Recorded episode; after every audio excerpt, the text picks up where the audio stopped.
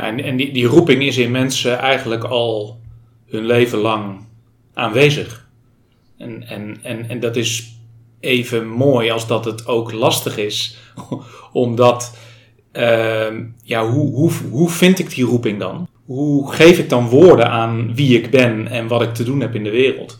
Ja, daarvoor heb je simpelweg ook terug te gaan naar de wortels van je leiderschap. En die wortels, Klaartje noemde het al even, ja, die, die liggen ook in die, nou, onder andere in die, in die allervroegste momenten waarop je je leerde toevertrouwen aan, aan mensen om je heen. Dus het ligt besloten in, in hoe, hoe heb ik me leren hechten aan mensen.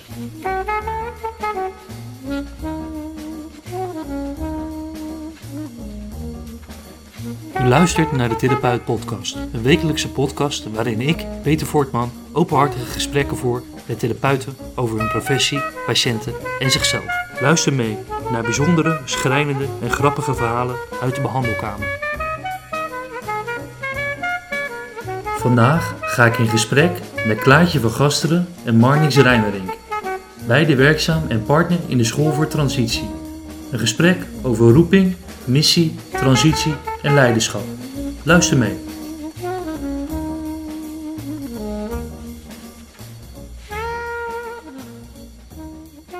Goedemorgen. Goedemorgen, Peter. Goedemorgen.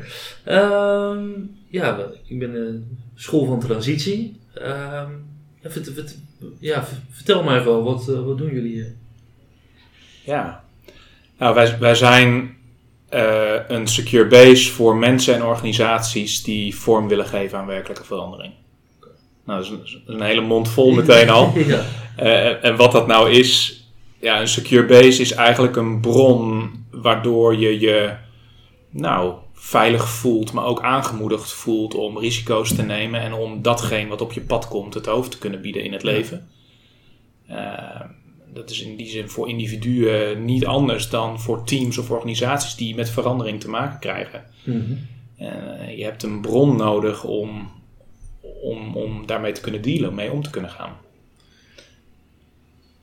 Ja, dat is wel. Um, we doen dat op verschillende manieren natuurlijk mhm. binnen de school. Dus uh, die, die secure base die proberen we zowel te zijn voor individuen die bij ons komen met allerhande type vragen rondom transitie. Mm nou, dat is niet verrassend waarschijnlijk met de naam de School voor Transitie. En uh, dat doen we ook binnen bedrijven. Dus we zijn ook veel in, in binnen bedrijven bezig met eigenlijk het bevorderen van een cultuur waarin een secure base is voor mensen van waaruit zij kunnen groeien en ontwikkelen. En als derde onderdeel wat wij doen is dat wij mensen in het werkveld waar we zelf in werken ook opleiden om met het gedachtegoed waar wij mee werken ook weer uh, anderen te kunnen begeleiden. Ja. Eh, een secure base, uh, ja, hoe, hoe, geef je daar invulling aan of hoe, hoe zou je dat omschrijven? Nou, wat ik net zei, dus een secure base is, is een bron die eigenlijk twee dingen doet. Mm het, kan een, kan, het is vaak een persoon, vaak een mens, maar het kan net zo goed ook een plek zijn, zoals we hier in het klooster zitten. Mm een, een, plek, een mens, een, een, doel, een object dat twee dingen doet. Enerzijds biedt het veiligheid mhm. door verbinding te maken en vertrouwen te geven. En daardoor voelen mensen zich aangemoedigd en ook uitgedaagd om stappen te zetten die ze niet eerder konden zetten, wisten dat ze konden zetten, durfden te zetten. Ehm, en een secure base brengt die twee bewegingen uh, in een soort ideale balans, in een optimale balans. Dat is eigenlijk wat een secure base doet. En wat wij in organisaties doen, is leiders um, uh, helpen zo'n secure base te zijn voor hun medewerkers, voor hun teams. Maar we helpen ook, zoals gezegd, begeleiders, therapeuten, coaches en, en individuen om ook zo'n bron voor zichzelf en anderen te zijn. om werkelijke verandering vorm te kunnen geven, hebben we die bronnen nou eenmaal nodig. We kunnen dat niet alleen, simpelweg. Want zoals je secure base zei, dat, dat, dat geldt dus wel voor de leider zelf, als persoon ook, de, de werknemer zelf voor zichzelf. Ja, zeker. Ja. Um, welke handvatten kan je daar eh, aan geven?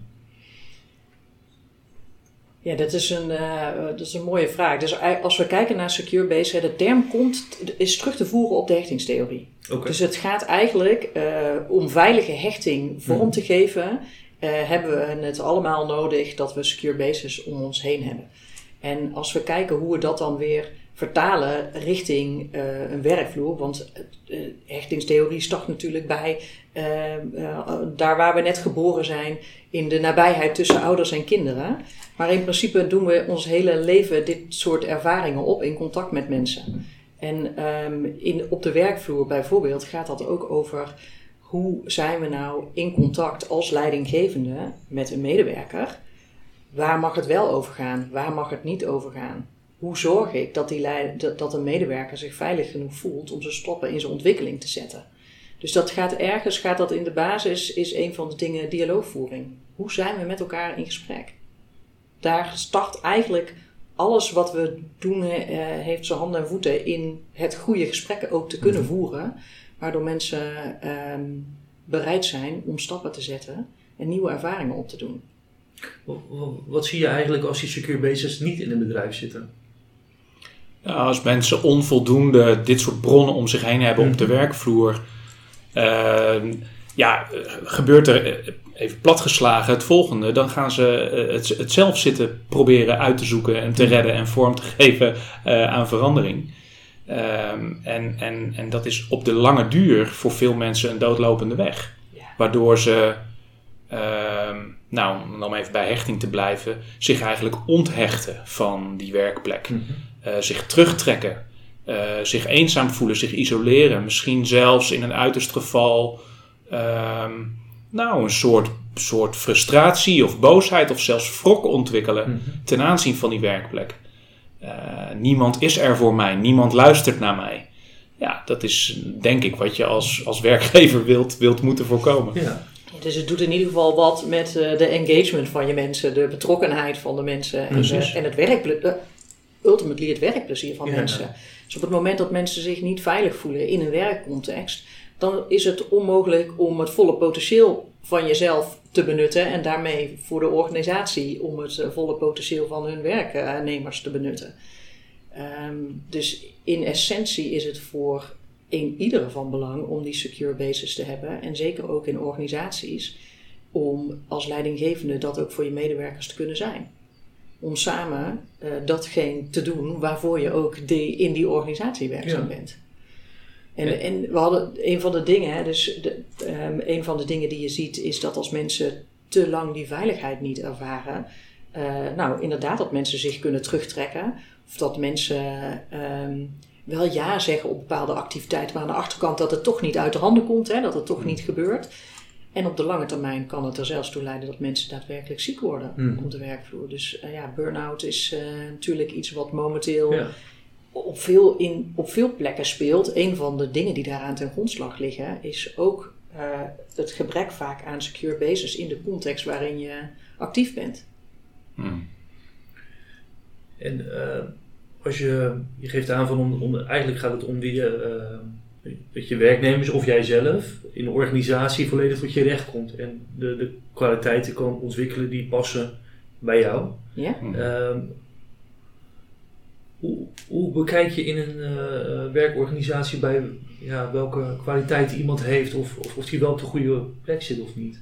Nou ja, er is maar één manier om daarachter te komen en dat is door, wat Klaartje zegt, de dialoog te voeren met elkaar. Uh, door, door als leidinggevende ook aan je werknemer vragen te stellen als uh, wie ben je, wat kun je, wat wil je, uh, en hoe kan ik je daarbij helpen? Dus, dus de vraag die leidinggevenden veel vaker mogen stellen is: hoe kan ik je helpen om de doelen die de organisatie gesteld heeft, om die hmm. te bereiken? En hoe kunnen we daarin samen optrekken? Dat is denk ik de, dat is denk ik de, de belangrijkste vraag die leidinggevenden moeten stellen aan hun werknemers. Ja, dus de essentie daarin zit in wat wij, hè, wij werken rond, eh, met roeping. Mhm. uh, waar roeping gaat over wie ben ik en wat wil ik in de wereld in beweging zetten. Ja. En diezelfde vraag kun je beantwoorden voor een organisatie. Wie is deze organisatie en wat wil deze organisatie in beweging zetten in de wereld? En die dingen die moeten met elkaar, zo, die, dat, de, die roeping van dat individu en de roeping van zo'n organisatie, die moeten ook met elkaar in lijn zijn. Ja. Dus op het moment dat we te lang niet uh, in een organisatie werken waar we onze roeping niet voluit kunnen inbrengen.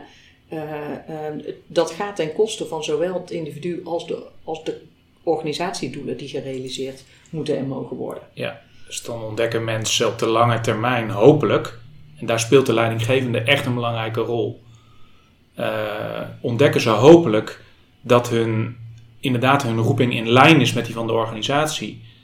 En voelen ze zich voldoende gesteund en ook uitgedaagd dat optimaal vorm te geven.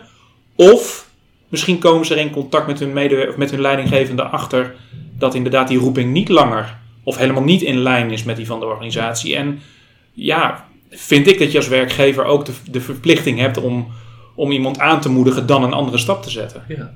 Uh, en niet zo iemand kosten wat kost voor jezelf uh, te willen behouden. Dat is een, dat is een interessante uh, spagaat ook soms voor een leidinggevende. Ja, natuurlijk. Want het gaat daar ook over, ben je bereid om te kijken verder dan, dan de stoel waarvoor, waar, waarop deze werknemer zit, om zo mm -hmm. maar te zeggen. Hè? Dus dat je kijkt naar een potentieel voorbij de functie die hij of zij nu uitvoert. Ja, voorbij de functie, voorbij het doel dat je je als organisatie stelt en voorbij nou, de, de winst die veel bedrijven ook willen maken. En dat is dus logisch, hè? Dus, dus geld mag best verdiend worden, maar ten koste van wat? Hoe ver wil je daarin gaan? Ik vind dat je daar een verantwoordelijkheid in hebt als werkgever. Dus je, je moet eigenlijk kijken naar degene die je voor je hebt en hoe zou die persoon volledig zichzelf kunnen ontwikkelen? En past dat eigenlijk wel binnen de organisatie? Of zou je dan moeten zeggen, nou, volgens mij heb jij meer of andere kwaliteiten die ergens anders beter tot hun recht komen? Ja. Zeker. Ja. ja. En ik ga je helpen om, om op die plek te komen. Ja. Of stappen in, in, in een andere richting te zetten. En soms komt het er ook op neer hè, dat op het moment dat je met, als leidinggevende met een medewerker daadwerkelijk gaat kijken naar hey, wie ben je nou en wat wil je nou in de wereld zetten, dat, dat de plek waar je zit nog steeds wel de juiste plek is, maar de manier waarop je de dingen doet mhm. anders wordt. Uh, dus dat je op een andere manier uh, je werk gaat doen. Niet per se iets anders hoeft te gaan doen of een andere werkplek zoekt. Maar als je weet wat je innerlijke, echt je innerlijke drijfveer is, dat je ook op een andere manier je werk gaat doen. En dat daardoor met meer plezier kunt zitten. En daarmee vervolgens ook weer dingen bereiken die eerder niet mogelijk waren. Ik, ik heb uh, ter voorbereiding van dit gesprek jullie boek gelezen, Taal van Transitie. Ja? En in het hoofdstuk roeping stond onder andere dat, uh, dat jullie kijken naar de, de rollen die iemand heeft, of zou moeten hebben. Of, ja. Uh, zou, zou je daar wat iets over kunnen vertellen? Ja, dus we hebben allemaal verschillende rollen in ons leven. Inderdaad, in het boek kun je ook zien dat dat persoonlijke rollen zijn.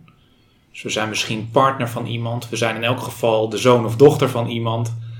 Uh, we hebben misschien broers en zussen. Ehm en uh, we hebben professionele rollen. Zoals mijn professionele rol is dat ik uh, coach ben, begeleider ben, trainer ben. We hebben organisatorische rollen. Nou, mijn organisatorische rol is dat ik een van de partners in de school voor transitie ben. Ehm, en, en we hebben maatschappelijke rollen. En die maatschappelijke rollen gaan over nou, vrijwilliger zijn bij de sportclub. Of bijdragen aan, aan, aan, aan, aan, op een andere manier aan de, aan de maatschappij om je heen. En die rollen die geven ons informatie over onze roeping. Maar ook andersom geeft onze roeping belangrijke informatie over hoe we die verschillende rollen invullen. En het is van belang dat we zoeken naar manieren om die, die vier verschillende soorten rollen met elkaar in balans te brengen. En waarom is dat belangrijk? Dat als ik overmatig veel aandacht besteed aan mijn professionele rol en mijn persoonlijke rol van vader of van echtgenoot uh, veronachtzaam, ja, dan kun je je voorstellen dat, dat op een gegeven moment uh, het ergens gaat, uh, gaat schuren. En mijn vrouw uh, waarschijnlijk zal zeggen: Hé, hey, maar niks, ik weet niet. Maar volgens mij zijn wij ook nog bij elkaar en, en, moeten we daar wat mee. met andere woorden, als op lange termijn die rollen niet met elkaar ergens in balans zijn, ja, dan, dan, ontstaan, er, dan ontstaan er potentieel problemen. Ehm, en wat we zien bij veel mensen die we begeleiden en ook bij bij leiders die we begeleiden, is dat, dat mensen zich onvoldoende bewust zijn van die verschillende rollen. Zich onvoldoende bewust zijn van het belang van balans in die rollen. En zich daardoor ook onvoldoende bewust zijn van de vraag wie ben ik en wat wil ik in de wereld in beweging brengen. Nou, dat bewustzijn, dat willen wij aanwakkeren. Ja. ja. En dus inderdaad, hè, dus als we kijken naar als we die, als we die roeping weten, van onszelf, als we weten wie we, wie we zijn en wat we in beweging willen zetten, dan wordt, het, dan, dan wordt het ook makkelijker om keuzes te maken in welke rollen doe ik en op welke manier geef ik ook vorm aan die rollen. Dus dan kan het zomaar zijn dat, uh, dat je uh, tien jaar penningmeester bent geweest bij de voetbal en erachter komt, ja, dat is een mooie maatschappelijke rol, maar die ligt helemaal niet in lijn met wat mijn roeping is. Um, en dat je dan ook een keuze kan maken, hé, hey, ik ga iets anders doen. Um, datzelfde geldt voor je professionele en je organisatorische rollen. Dus daarin, dus enerzijds is die roeping, die vloeit voort uit de dingen die je doet. En anderzijds, op het moment dat je die roeping weet, ga je ook andere manier, op een andere manier invulling geven. Het geeft je een bepaalde focus, een richting, um, een andere manier om je keuzes te maken. En dat is soms dus ook niet makkelijk, want soms mhm. vraagt het ook van je om dingen, om als je die roeping vol wil leven, om dingen niet meer te doen. Ja. Dingen ook los te laten, die eigenlijk niet in lijn daarmee liggen. En die daarmee potentieel ook beter door iemand anders uitgevoerd kunnen worden, omdat jij daarbij niet op de, hè, dat dat voor mm. jou niet in je sweet spot ligt om te doen. Dus die, die, uh, die spagaat uh, van uh, die roeping kennen en weten en hem vervolgens ook in die rollen vervullen, ja, dat is ook een, een pad waar wij mensen mee helpen. Ja, en, en die, die roeping is in mensen eigenlijk al hun leven lang aanwezig. En, en, en, en dat is even mooi als dat het ook lastig is. Omdat, uh, ja, hoe, hoe, hoe vind ik die roeping dan? Yeah. Hoe, hoe, hoe geef ik dan woorden aan wie ik ben en wat ik te doen heb in de wereld? Ja, daarvoor heb je simpelweg ook terug te gaan naar de wortels van je leiderschap. En die wortels, Klaartje noemde het al even, ja, die, die liggen ook in die, nou, onder andere in die, in die allervroegste momenten waarop je je leerde toevertrouwen aan, aan mensen om je heen. Dus het, ligt besloten in, in hoe, hoe heb ik me leren hechten aan mensen. Welke vroege ervaringen geven mij informatie over hoe ik vrijelijk beweeg in de wereld. Uh, welke ervaringen zijn dat? Wat kan ik van die ervaringen leren?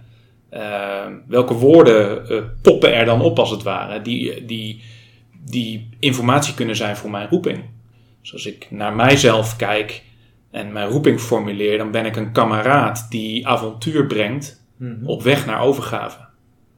Nou, dat is een, een mooie zin, maar die heb ik niet zomaar gevonden of geformuleerd.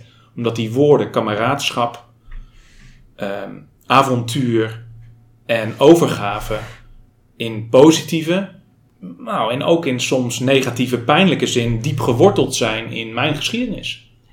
En ehm, ik probeer in al die rollen die ik net noem, vorm te geven aan die roeping. hoe, uh, hoe ben jij erachter gekomen dat dit je roeping is? Ja, dat is een, dat is een mooie vraag. Dus, dus een van de, van de ervaringen die uh, hebben bijgedragen aan dat, aan dat woord kameraadschap, is dat ik uh, als, als tiener de droom had om bij het Corps Mariniers te gaan. En, en, en uh, ik had uh, dat verlangen omdat die droom voor mij ging over samen, mhm. samen iets voor elkaar krijgen. Het ging over avontuur en het ging over iets kunnen betekenen voor anderen. De wereld mooier maken, beter maken.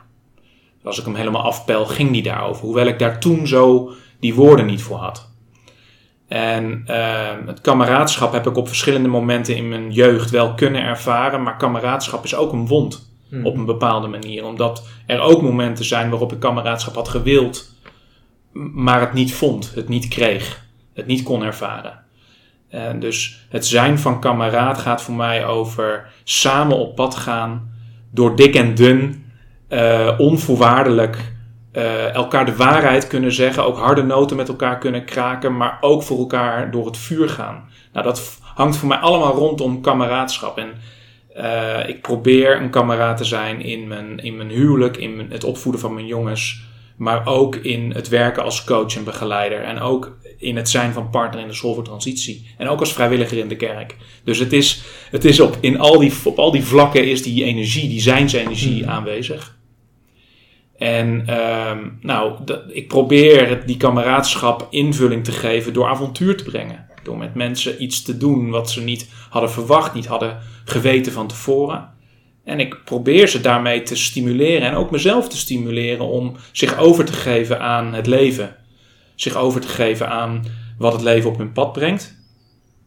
En niet om dan maar bij de pakken neer te gaan zitten of het maar te accepteren omdat het nou eenmaal zo is. Nee, om dan vervolgens een stap naar voren te zetten en te zeggen: Oké, dit is wat mij overkomt en wat ga ik dan nu doen?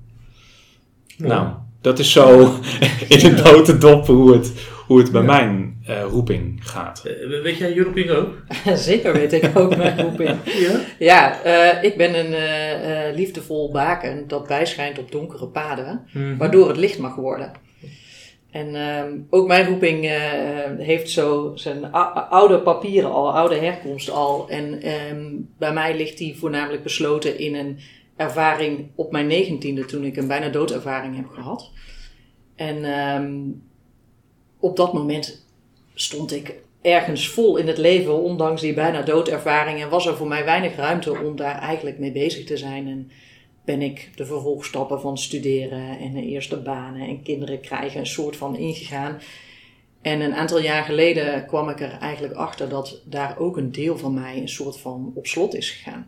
Dat, um, dat ik daar een ervaring heb gedaan, op heb gedaan waar ik nooit over gesproken heb. Waar dingen in de schaduw feitelijk zijn blijven staan van mijn leven. En waar ik pas de afgelopen jaren heel actief weer naar ben gaan kijken. En ben gaan kijken, hey, wat betekent dat nou voor mij? En een van de mooie dingen daarbij is, is dat, ik, dat ik juist heb ontdekt dat door die ervaring het voor mij bijvoorbeeld ook uh, heel makkelijk is om bij, dicht bij mensen te zijn die ook ervaringen hebben rondom de dood. Dat kan van alles zijn. Mensen waarbij de dood naderend is. Mm Mensen die, um, nou, die, die op de een of andere manier ziek zijn. Mensen die nou, noem het maar op, op de een of andere manier een donker kant in zichzelf daarin ook tegenkomen. Uh, waar niet zo makkelijk over gesproken wordt. En ik probeer daarin met de mensen die ik begeleid dat ook meer in het licht te zetten. En um, dat ook bij mezelf steeds meer in het licht te zetten. Dus daar ook steeds meer mee naar buiten te treden. En daar ook met mensen over in gesprek te gaan. En ik merk dat uh, door dat te doen en door de ervaring die ik zelf ook heb, dat dat uitnodigend is voor anderen om ook stappen te zetten.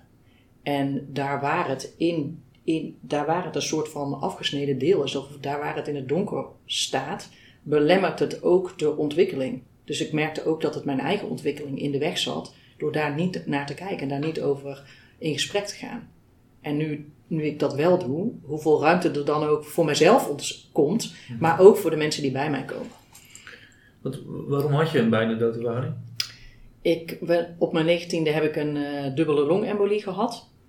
Wat daar de oorzaak van was, is tot op heden nog onduidelijk. Maar aangezien dat niet iets is wat uh, veel voorkomt op die leeftijd, duurde het even voordat ze erachter waren. Dus uh, na twee weken in het ziekenhuis, uh, nou ja, ging het in die zin mis. En um, was er gelukkig iemand die mij neer zag gaan in het ziekenhuis.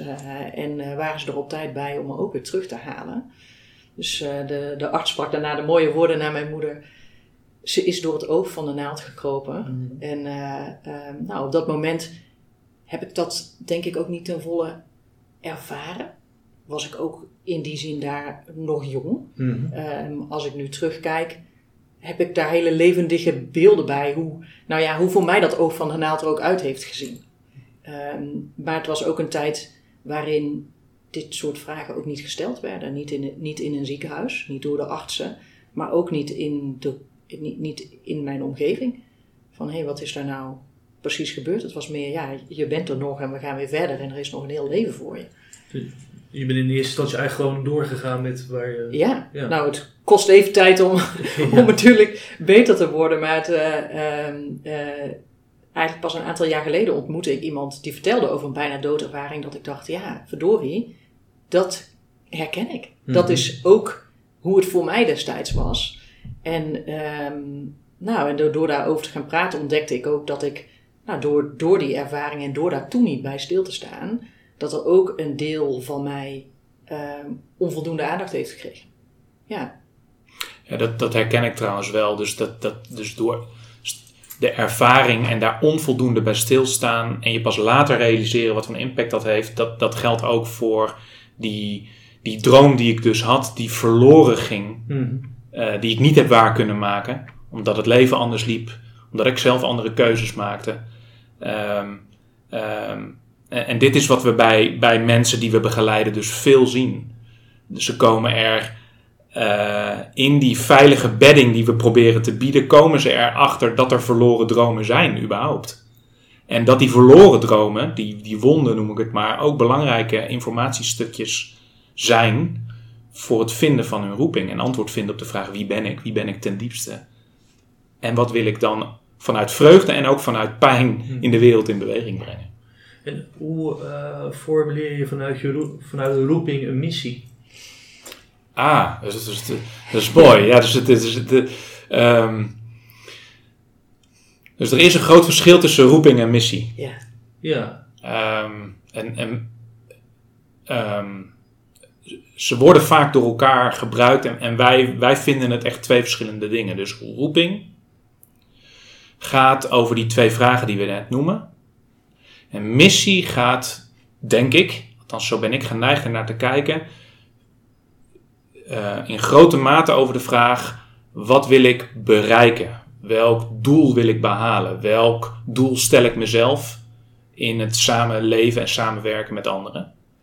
Dus missie is misschien veel meer verbonden aan een ander woord wat je ook veel hoort: purpose. Eh, roeping is die meer overkoepelende vraag voor mij, die echt ook zeer verbonden is met die identiteitsvraag van wie ben ik. En daar begint het voor ons gevoel wel mee. Dus de, de reis begint bij ons ook altijd met die vraag wie, wie ben ik?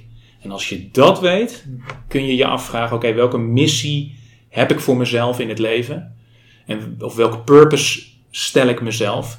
En die, die doelen die kunnen ook tussentijds wijzigen. Die kunnen ook, die kunnen ook bijgesteld worden of aangevuld worden.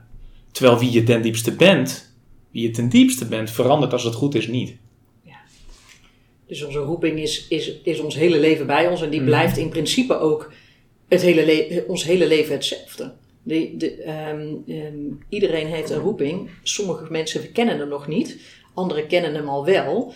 En nou, zoals Marnix en ik net ook iets vertelden over onze roeping. De eerste woorden die we gebruikten waren niet per se de woorden die we er nu ook voor gebruiken. Dus de, de energie van de roeping, op het moment dat je die begint te voelen en daar woorden aan begint te geven, dan, kan je, dan, dan kun je ook ervaren hoe dat al lang bij je is. Kun je ook terugkijken, hé, hey, daar op momenten waar het, niet, waar het leven niet liep zoals ik dat gewild, heb ik dat ook niet geleefd. Heb ik ook niet ten diepste geleefd wie ik nu weet dat ik ben en wat ik te doen heb.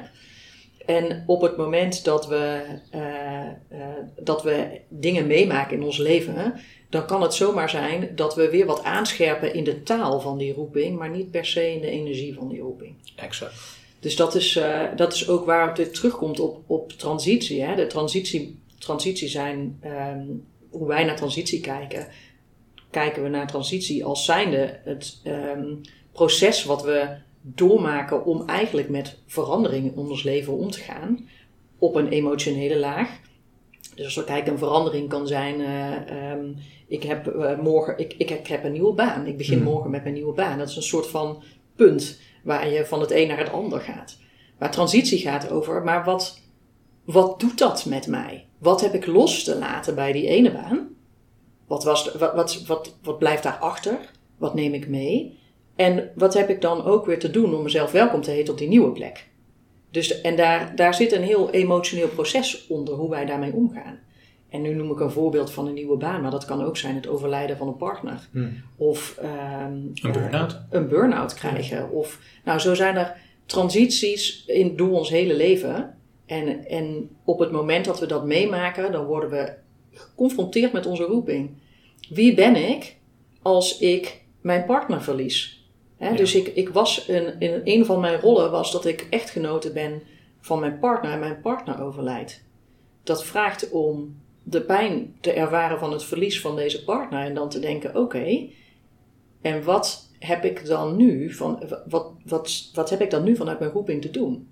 Als ik deze persoonlijke rol niet meer kan vervullen Ja. op deze manier. Ja. Ja. Hoe geef ik dan opnieuw invulling aan mijn persoonlijke rol?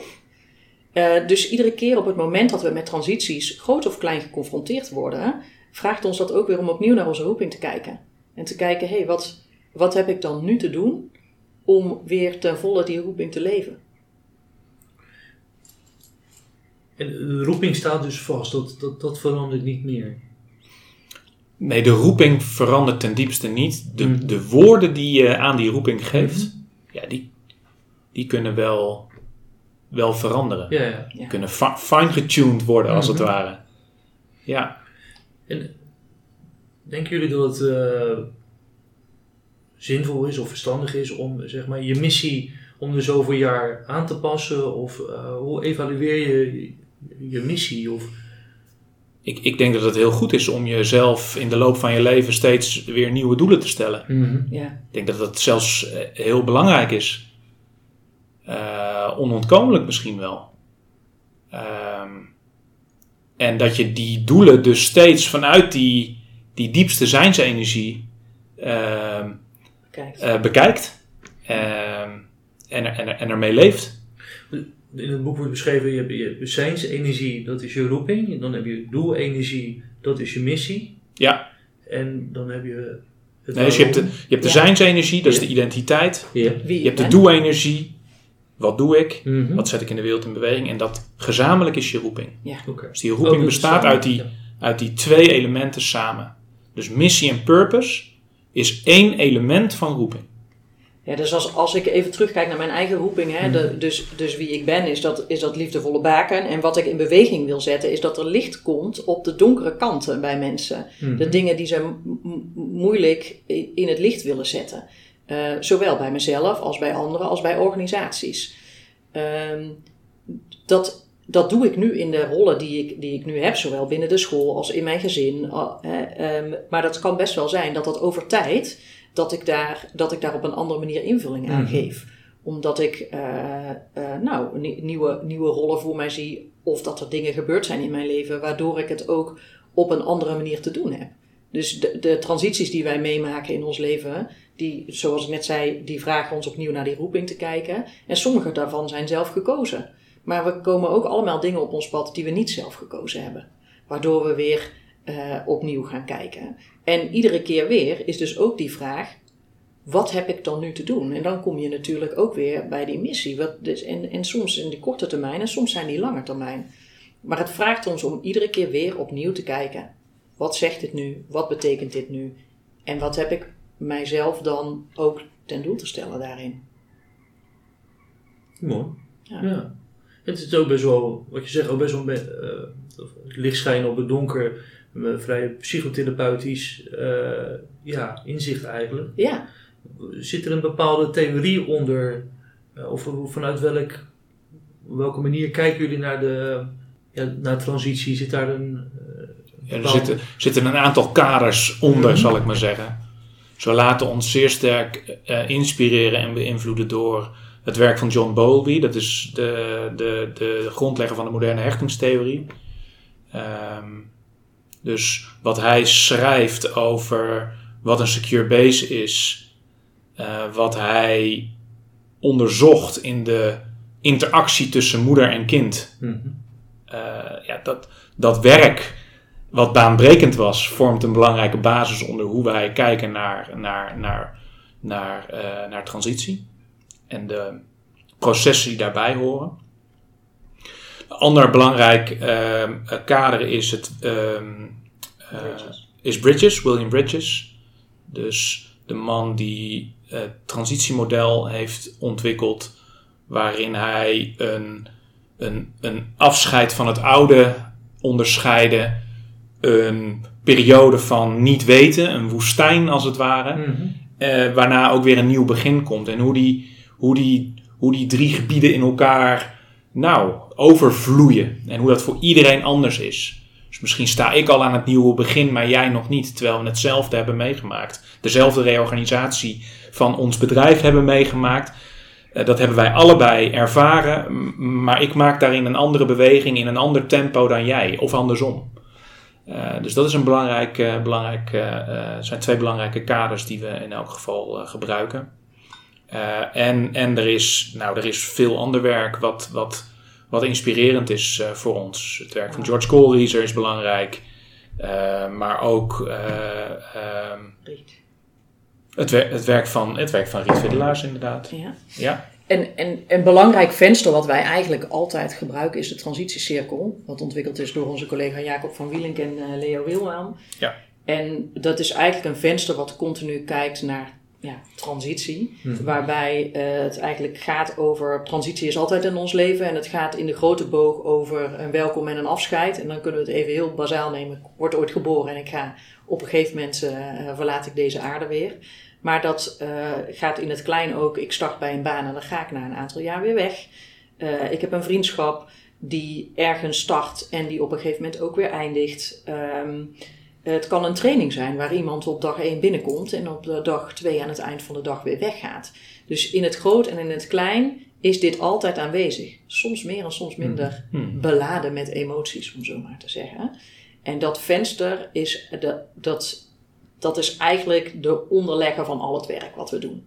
En daarin komt het werk van Bridges terug. Daarin komt ook het werk um, van Bowlby terug. Dus daar worden een aantal dingen bij elkaar gepakt eigenlijk. Ja. Wat wij als kader, een venster gebruiken van waaruit we het werk doen. En uh, daar, daar is roeping een soort van een van de laatste staartjes als we zo'n contact hebben gehad en afscheid hebben gehad van hé, hey, wat vraagt dat dan van ons? En dan kom je weer bij betekenisgeving en roeping uit. En in die, in die transitiecirkel komt ook dat thema hechting uh, heel nadrukkelijk terug. Dus daar is Bowlby inderdaad een belangrijke inspirator. Maar in het vormgeven van transitie is het dus ook belangrijk om te kijken naar en wat leerde ik dan van die eerste hechtingsfiguren? Wat leerde ik dan van mijn vader? Wat leerde ik dan van mijn moeder? Wat is als het ware hun invloed ook nu nog? Positief en misschien ook minder positief. Wat is in elk geval die invloed van mijn vader en mijn moeder? En dat is ook een, een zeer belangrijk thema wat wij steeds in al onze programma's bij, bij de kop pakken. Uh, dus het werk van Steven Polter uh, is daarin voor ons ook een belangrijke inspiratiebron. Hij is de schrijver van de boeken The Mother Factor en The Father Factor. En ook The Shame Factor.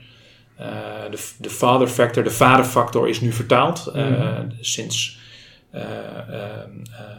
vorig jaar. vorig, jaar. op de markt. En in, in, dat, in dat boek beschrijft hij eigenlijk vijf typen vaders. archetypen bijna. Mm-hmm. En hij neemt je in dat boek mee op een reis waarmee je kunt onderzoeken: hé, hey, wat, is, wat is nou de invloed van mijn vader op mijn leven? En zo is nu ook in vertaling het boek De Moederfactor, uh, waarbij eigenlijk datzelfde gebeurt, maar dan voor de invloed van je moeder op je leven. En we zien ook in de vorming van leiderschap en ook het vinden van je roeping hoe, hoe belangrijk de invloed van die vader en die moeder is. Dus dat is een heel, heel nadrukkelijk element in ons uh, werk. Ik zag dat jullie een training aanbieden over uh, de vaderfactor. Ja. ja. En ik, uh, ik dacht zelf, ik had, ik had alleen de kop gelezen, ik dacht eigenlijk van dat je als een vader leiding geeft, maar het is dus meer wat uh, jouw de, vader. Ja. De, dus de, de vader, je vaderfactor, wij hebben ja. allemaal een vaderfactor, ja. ongeacht man of vrouw. Mhm. Mm. En mijn vaderfactor gaat over de invloed die mijn vader heeft op de manier waarop ik invulling geef aan mijn leven. En de, mijn moederfactor is Mhm. de invloed die mijn moeder op mij heeft in de manier waarop ik invulling geef aan mijn leven. Waarbij de focus, uh, uh, ook weer wat we van vader en moeder meekrijgen, ergens wat ja, anders is. Dus het boek De Vaderfactor focust ook ergens op uh, hoe, zich dat, hoe de invloed van vader ook is op hoe wij invulling geven aan onze carrière. Ja. Hoe wij invulling geven aan de manier waarop wij ons naar buiten toe profileren. Mm-hmm. waarbij, de, waarbij het bij moeder meer gaat over hoe geef ik invulling aan relaties hoe ben ik, hoe maak ik verbinding, hoe, hoe leg ik relaties in, hoe beweeg ik me daarin. En uh, als het dan gaat over deze workshops, dan Mhm. Mm. wordt dan in, um, we hebben nu de vaderfactor, de moederfactor, uh, ligt hopelijk uh, ergens de komende maanden in de boekenwinkel straks ook. Ja, met moederdag. Met moederdag ja, hopen we zeker. ja, ja, Uh, is zo gepland. Zo gepland. We hebben er, daar is goed over nagedacht, dus dat is mooi. Ja. Um, en da- daarin ga je dus ook op onderzoek van, hé, hey, wat is die invloed op mij geweest? En hoe geef ik daar nu invulling aan? En uh, wat ik zelf prachtig vind, dus, uh, dus die, die uh, Polter beschrijft ook ergens zo mooi. Het gaat er niet om, om te kijken, terugkijkend naar wat goed of fout was. Maar het gaat er echt om om te kijken van, hé, hey, als ik mij bewust ben daarvan, van wat die invloed is, dan kan ik ook bewuste keuzes maken over hoe ik dit in mijn leven weer inzet. Mhm. Eh, toen ik zelf uh, het boek De Moederfactor las, uh, werd ik niet alleen uh, in het lezen van het boek geconfronteerd met: hey, hoe, hoe is die invloed van mijn moeder nou op mij? Maar ik heb zelf ook kinderen.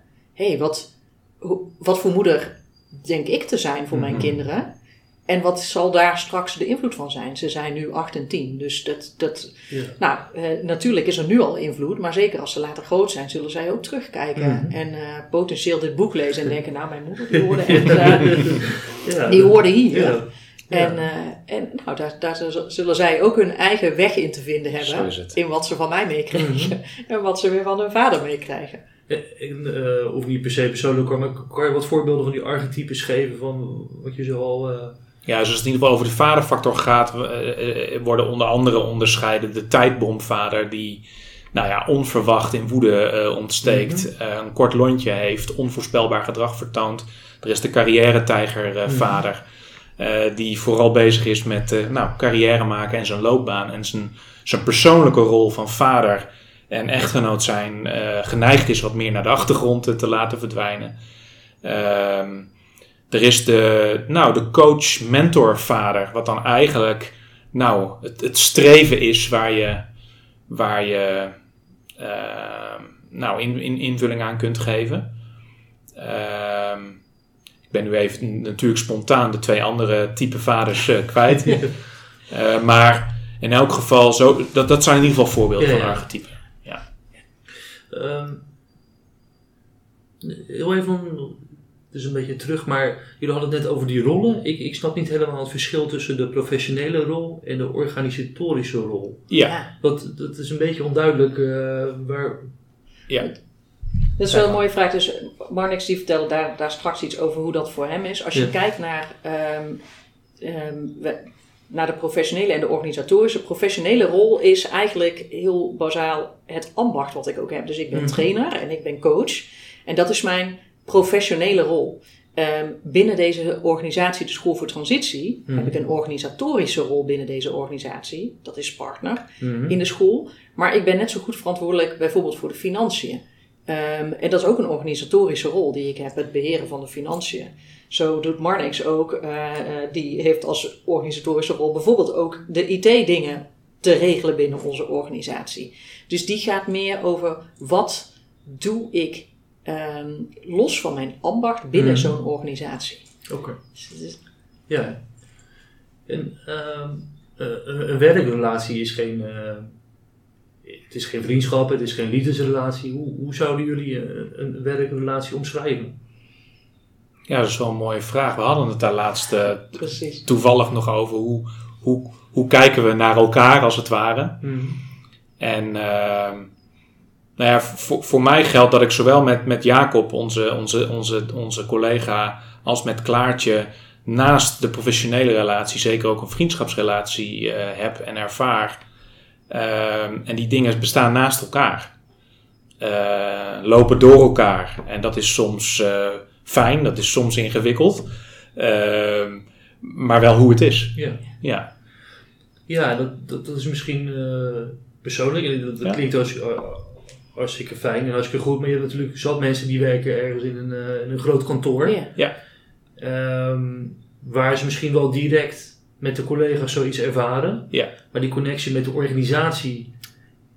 Hè, ik bedoel, je kan vandaag of morgen ook weer ontslagen worden als het eh budgetair niet helemaal goed is. Dus eh, hoe, ehm, ik probeer te achterhalen, kijk, zo, zo, een ver- verkeerde beleving van die relatie kan ook heel veel eh, teleurstelling opbrengen. Als, je, als je denkt dat het vriendschappelijk is, dan, dan voel je je echt eh, op een ander niveau gekwetst dan als het zakelijk is. Ik heb eh, bij vele grote organisaties gewerkt voordat ik hier kwam werken. Mhm. En ehm, ja, dat is toch anders dan wanneer je ondernemer bent en met z'n drieën Ja. ehm, toch deze, de, de school draagt. Hè? Dus, dus de intensiteit van de relatie in dit ondernemerschap is ook echt anders dan toen ik destijds eh, een medewerker was in loondienst. Ja. Waar ik natuurlijk een eh, binding had met de bedrijven. Ik kwam daar niet voor niks werken. Hè, er was iets wat, wat, wat, eh, nou, wat me aantrok, wat me aansprak. En tegelijkertijd had ik daar binnen die organisatie had ik mensen waar ik vriendschappelijk mee omging. En mensen die echt alleen collega's waren, waar ik op het werk mee deed wat er gedaan moest Mhm. worden. Ehm, en, en soms liep dat ook wel eens door elkaar. Dat je, eh, ik, er zijn ook tijden geweest dat ik een leidinggevende had, eh, waar ik naast eh, de werkrelatie ook een vriendschappelijke relatie mee had. Dan wordt het lastiger op het moment dat blijkt dat je niet meer bij de organisatie Ja. past. Want dan moet het aan de ene kant over daarover gaan en aan de andere kant ook, ja, de- wat is het effect daarvan op die vriendschapsrelatie? Dus ehm, mijn ervaring voor mezelf is dat dat in het ondernemerschap ook nog echt heel anders is dan wanneer je in een, eh, in Ja. een organisatie werkt. Hmm. En als ik terugkijk, dan zijn er dus ook, ja, ben ik niet voor niks op al die plekken ooit weer vertrokken. Mhm. En zijn er, eh, van al die plekken zijn er wel een paar collega's gebleven die, bevriend, waar ik nog mee bevriend ben. En anderen zijn inderdaad, ja, ook achtergebleven op de werkplek, om zo maar te zeggen. Ja. En als je kijkt naar de reorganisaties, dat is eh, voor, voor veel mensen heel heftig. Hmm.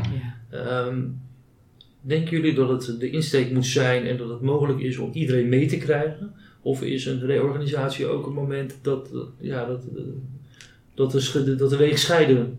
Ja, nou, we, we zien natuurlijk heel vaak de beweging in organisaties, wanneer ze gaan reorganiseren, dat ze proberen iedereen mee te krijgen. Mhm. Ehm, en als dat een doel op zich wordt, dan ontstaan de problemen. Dus ik denk dat het heel belangrijk is, en dat is ook wat we proberen in organisaties duidelijk te maken en mensen daarin te begeleiden, dat er ruimte is om met die medewerkers stil te staan bij dit is de koers die we gaan varen. Wat betekent dat voor jou? En wat heb je of nodig om mee te kunnen gaan? Of wat heb je nodig om een andere stap te kunnen maken? Ehm, maar dat vraagt wel open, kwetsbare gesprekken. Waarin je dus als leidinggevende en als organisatie het lef hebt, het risico neemt, de moed toont om niet alleen maar je te focussen op die stip op de horizon waar zogenaamd alles beter is, maar simpelweg ook stil te staan bij nou, dat mentale en emotionele proces eh, wat mensen doorlopen. Dus ik, ehm, ehm, ik ben jaren verandermanager geweest. Dus ik heb heel veel veranderingen, onder andere reorganisaties, begeleid. en dat is ook waar voor mij uiteindelijk de omslag kwam. Dat ik wist dat ik iets anders te doen had. Want wat ik leerde, in die, e- vooral in die eerste jaren dat ik als consultant veranderingen eh, deed binnen bedrijven, was om eigenlijk maar eh, het toekomstbeeld steeds mooier en groter te schetsen. Want dan was dat wel aantrekkelijk Ja. en dan gingen mensen wel mee. Hè? Dus Ja. het, de wereld is in de toekomst allemaal beter en we moeten De achterna... wortel voor de... Ja, Ja, dus een soort van de worst eh, werd eh, steeds mooier en groter gepresenteerd. En eh, in, de, in de laatste grote verandering die ik deed, was een reorganisatie. En ja, die was echt nodig. De, de- dit was binnen een IT-context. En, en, nou ja, de, voor snelle doorloop natuurlijk van veranderingen in de IT. Dus er moest daar ook echt iets gebeuren. Maar daar waren ook mensen die daar, daar al heel lang zaten. En ehm, ehm, wat ik daar voor het eerst eigenlijk eh, zag gebeuren, was dat er niet alleen die worst werd beschreven. En dat niet alleen de focus was op hoe fantastisch de wereld zou gaan worden, maar dat er ook gesproken werd met mensen. Oké, en als wij dit gaan doen, wat heb jij dan achter te laten? Wat, hè? Want Mhm. mensen zijn ergens komen werken met een bepaalde keus om hier te willen zijn. Misschien wel met dit systeem of met deze leidinggevende of in deze organisatie. En het was voor het eerst dat ik zo intensief zag dat er samen gezeten werd met de mensen om te kijken: hey, wel, wat, wat heb je ook achter te laten om mee te kunnen in die verandering?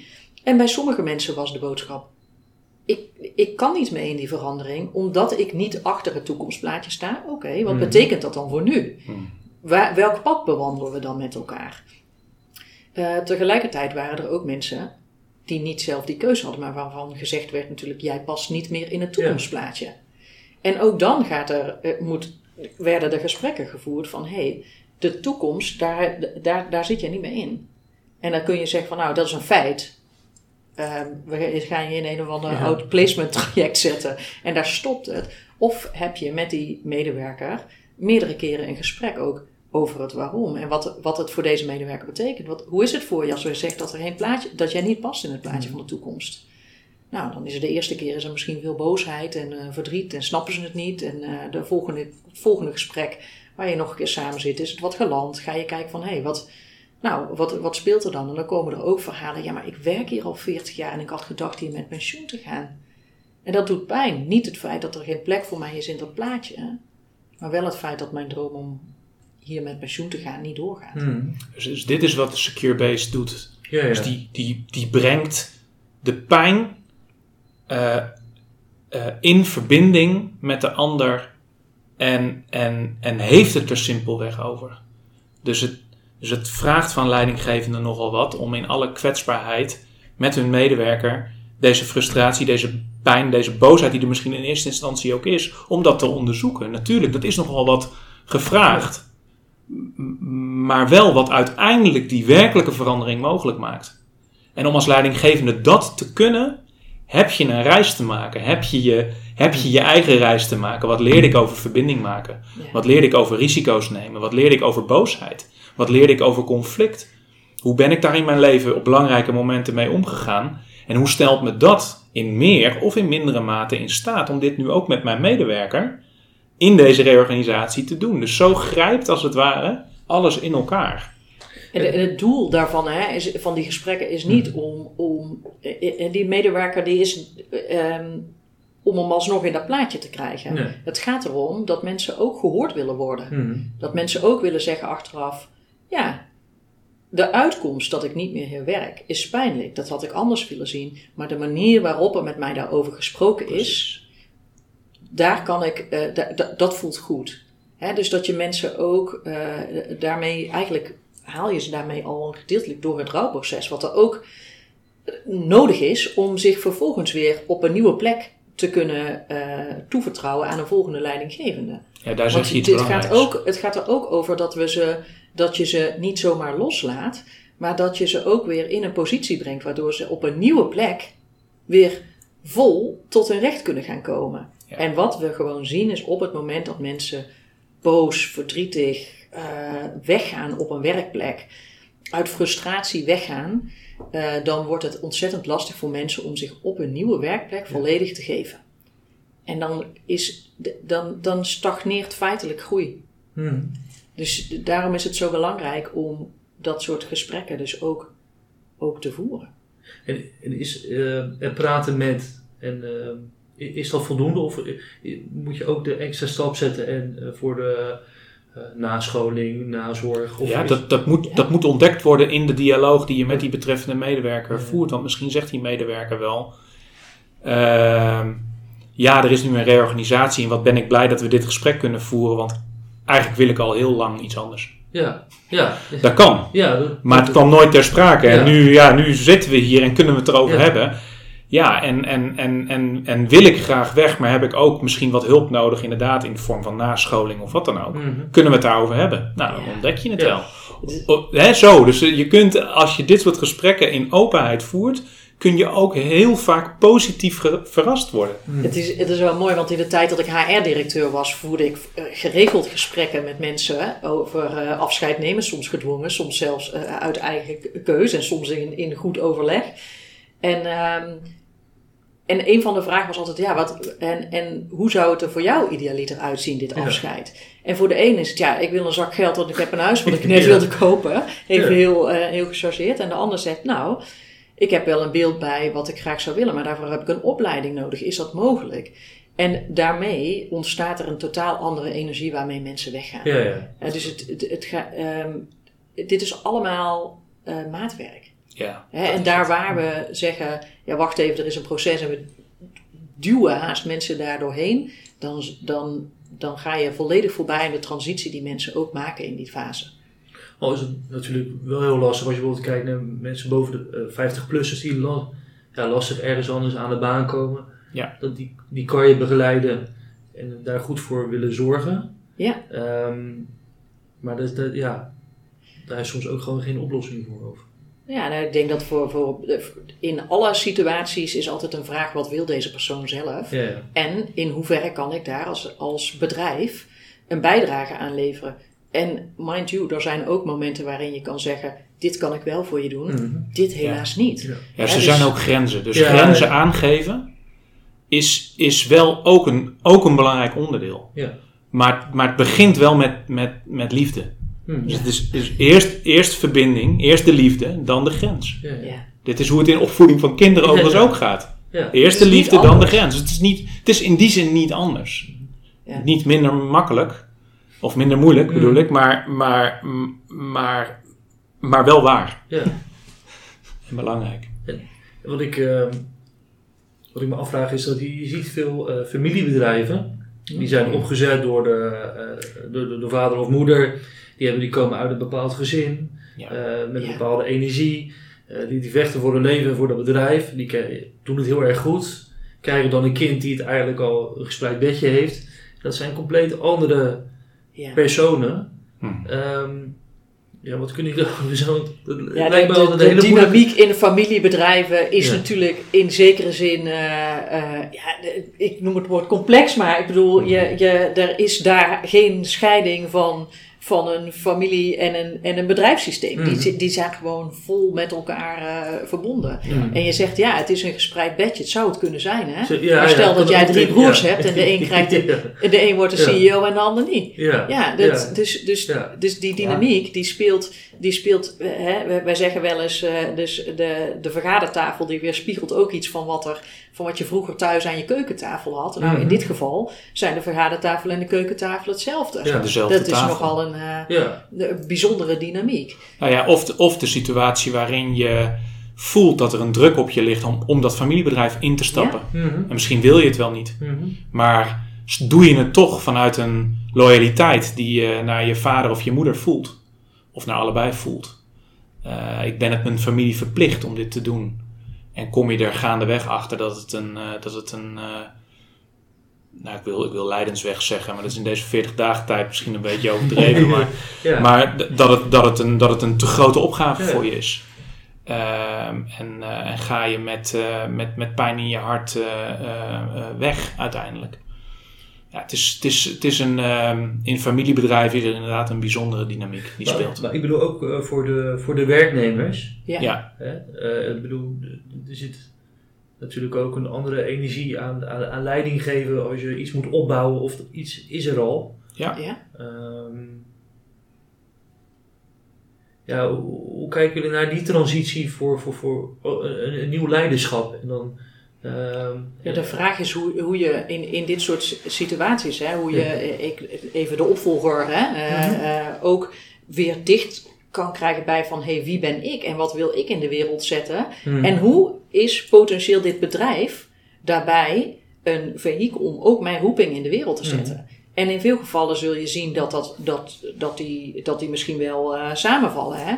Ehm, soms kan het ook zijn dat er een nieuwe koers eh, uitgezet wordt door iemand die overneemt. Dat is nog maar de vraag of, of een vader dat dan support Ja. of dat hij daarvan zegt, hé hey, wacht even. Hè? Dus die, dus die, ehm, maar het start altijd bij terug te gaan naar de roeping van, van deze desbetreffende opvolger. Om dan ook te kijken hoe dat past binnen de context van het, van het bedrijf wat overgenomen wordt. Potentieel overgenomen wordt. Hoe, hoe, hoe doe je dat dan? En hoe zorg je ook dat er daadwerkelijk een overdracht plaatsvindt? Want dit is natuurlijk in familiebedrijven een van de grote dynamieken. Eh, ik noem het maar even, papa vertrekt wel. Hè? Die, die stapt wel weg en die, de, er stapt iemand op die, op die, een zoon of een dochter op die plek. Maar in hoeveel familiebedrijven is het niet zo dat papa iedere dag toch nog wel even komt lunchen op kantoor? ja.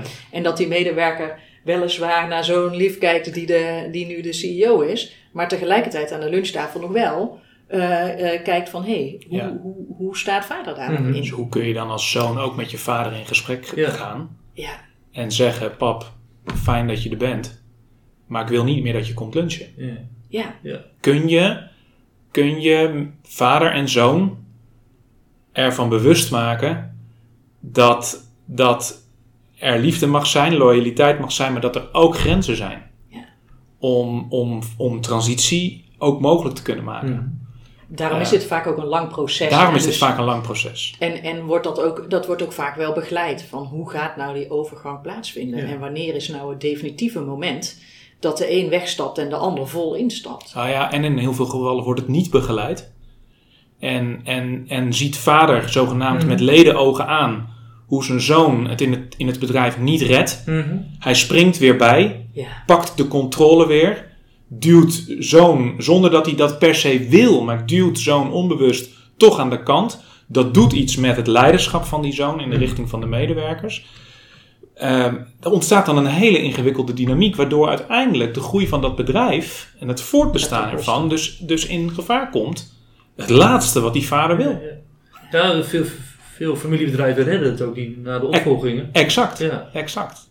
Nou, en er zijn natuurlijk ook eh, eh, voorbeelden waarbij dit, waarbij dit heel goed gaat. Hè? Dus het is ook. eh, Tuurlijk. dus, Mhm. dus Tuurlijk. dat is, eh, maar de dynamiek is natuurlijk anders. Dus hè, terugkomend op jouw vraag, ja, Ja. Daar, daar speelt een, een, een dynamiek die je in andere bedrijven niet kent. Ja. Mhm.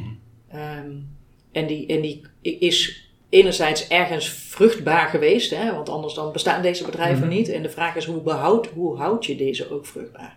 Hoe zorg je ook dat, eh, dat, de, nou, dat de overdrachten op zo'n manier gaan, dat dat niet ten koste gaat van het succes van het bedrijf?